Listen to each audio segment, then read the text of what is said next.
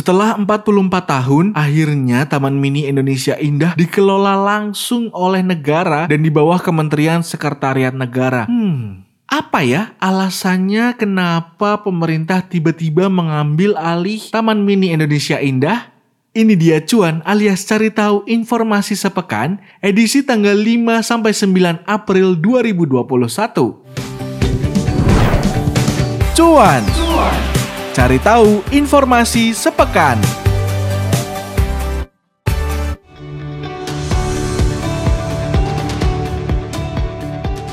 Salah satu informasi yang lumayan ramai dibicarakan di minggu ini adalah tentang pengelolaan Taman Mini Indonesia Indah yang diambil alih langsung oleh negara setelah Sebelumnya, Yayasan Harapan Kita milik mantan Presiden kedua Republik Indonesia keluarga Soeharto itu e, melakukan pengelolaan Taman Mini Indonesia Indah dan selama 44 tahun Taman Mini Indonesia Indah dikelola oleh Yayasan Harapan Kita nih sobat bisnis. Dan kalau misalkan banyak yang bertanya-tanya, emang kenapa? Ada apa alasannya? Dan tiba-tiba Presiden Joko Widodo sendiri menandatangani Perpres tanggal 31 Maret 2021 tentang pengelolaan Taman Mini Indonesia Indah. Alasannya adalah temuan dari Badan Pemeriksa Keuangan di bulan Januari 2021 untuk laporan hasil pemeriksaan 2020, rekomendasinya adalah harus ada pengelolaan yang lebih dari Kementerian Sekretariat Negara untuk aset yang dikuasai negara. Karena memang Taman Mini Indonesia Indah merupakan salah satu aset milik negara. Jadi sudah seharusnya dikelola langsung oleh negara. Gitu sobat bisnis. Dengan berbagai temuan dan juga rekomendasi dari BPK itu sendiri ya, Kementerian Sekretariat Negara sendiri mengajukan untuk mengambil alih pengelolaan Taman Mini Indonesia Indah. Lewat perpres yang ditandatangani Presiden Joko Widodo, Kemensetnek langsung mengambil alih pengelolaan Taman Mini Indonesia Indah dan Menteri Sekretariat Negara sendiri menyebut kalau Taman Mini Indonesia Indah itu nantinya akan diserahkan kepada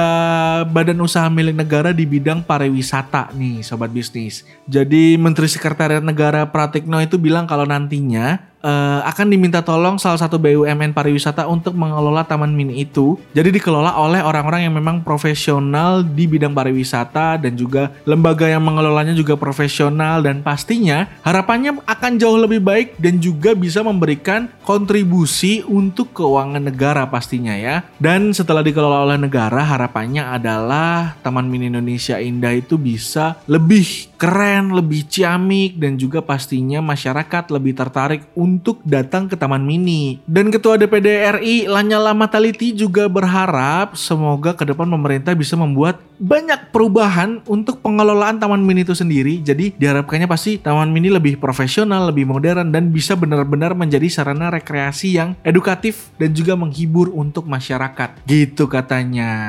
Dengan berakhirnya penguasaan dan pengelolaan Taman Mini Indonesia Indah oleh Yayasan Harapan Kita, pihak Yayasan Harapan Kita sendiri wajib menyerahkan laporan pelaksanaan dan hasil pengelolaan serta melakukan serah terima penguasaan dan pengelolaan Taman Mini kepada Kementerian Sekretariat Negara. Tapi sebelum serah terima nih, uh, dalam perpres yang ditandatangani Presiden Joko Widodo juga menegaskan bahwa Yayasan Harapan Kita dilarang membuat atau mengubah perjanjian atau perikatan terkait pengelolaan Taman Mini Indonesia Indah dengan pihak lain tanpa persetujuan tertulis dari Kementerian Sekretariat Negara. Nah, banyak yang uh, menilai juga nih setelah Taman Mini Indonesia Indah diambil alih oleh negara, mungkinkah aset-aset lain juga dikelola langsung oleh negara seperti Gelora Bung Karno terus juga Kompleks Kemayoran, karena memang bisa dibilang pengelolaan Taman Mini Indonesia Indah sendiri, bisa dibilang hasilnya nggak pernah disetorkan ke negara nih sobat bisnis, padahal merupakan salah satu aset negara dan tercatat di Sekretariat Negara, dan mungkin bisa aja ya langsung dikelola oleh negara dan pastinya ketika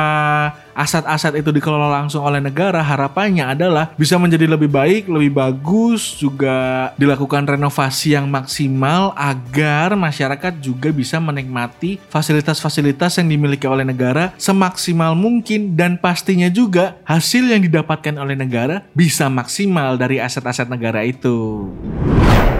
Oke deh, itu dia cuan alias cari tahu informasi sepekan edisi tanggal 5 sampai 9 April 2021. Jangan lupa baca bisnis.com buat tahu informasi seputar bisnis, ekonomi, finansial, dan juga informasi-informasi terbaru lainnya yang bisa sobat bisnis dapetin di bisnis.com ya. Jangan lupa juga buat tonton dan subscribe video-video terbaru dari bisnis.com di YouTube channelnya Bisniscom dan jangan lupa juga buat dengerin dan follow podcastnya Bisnis Indonesia di broadcast. Saya Ganang Adrian pamit, see ya!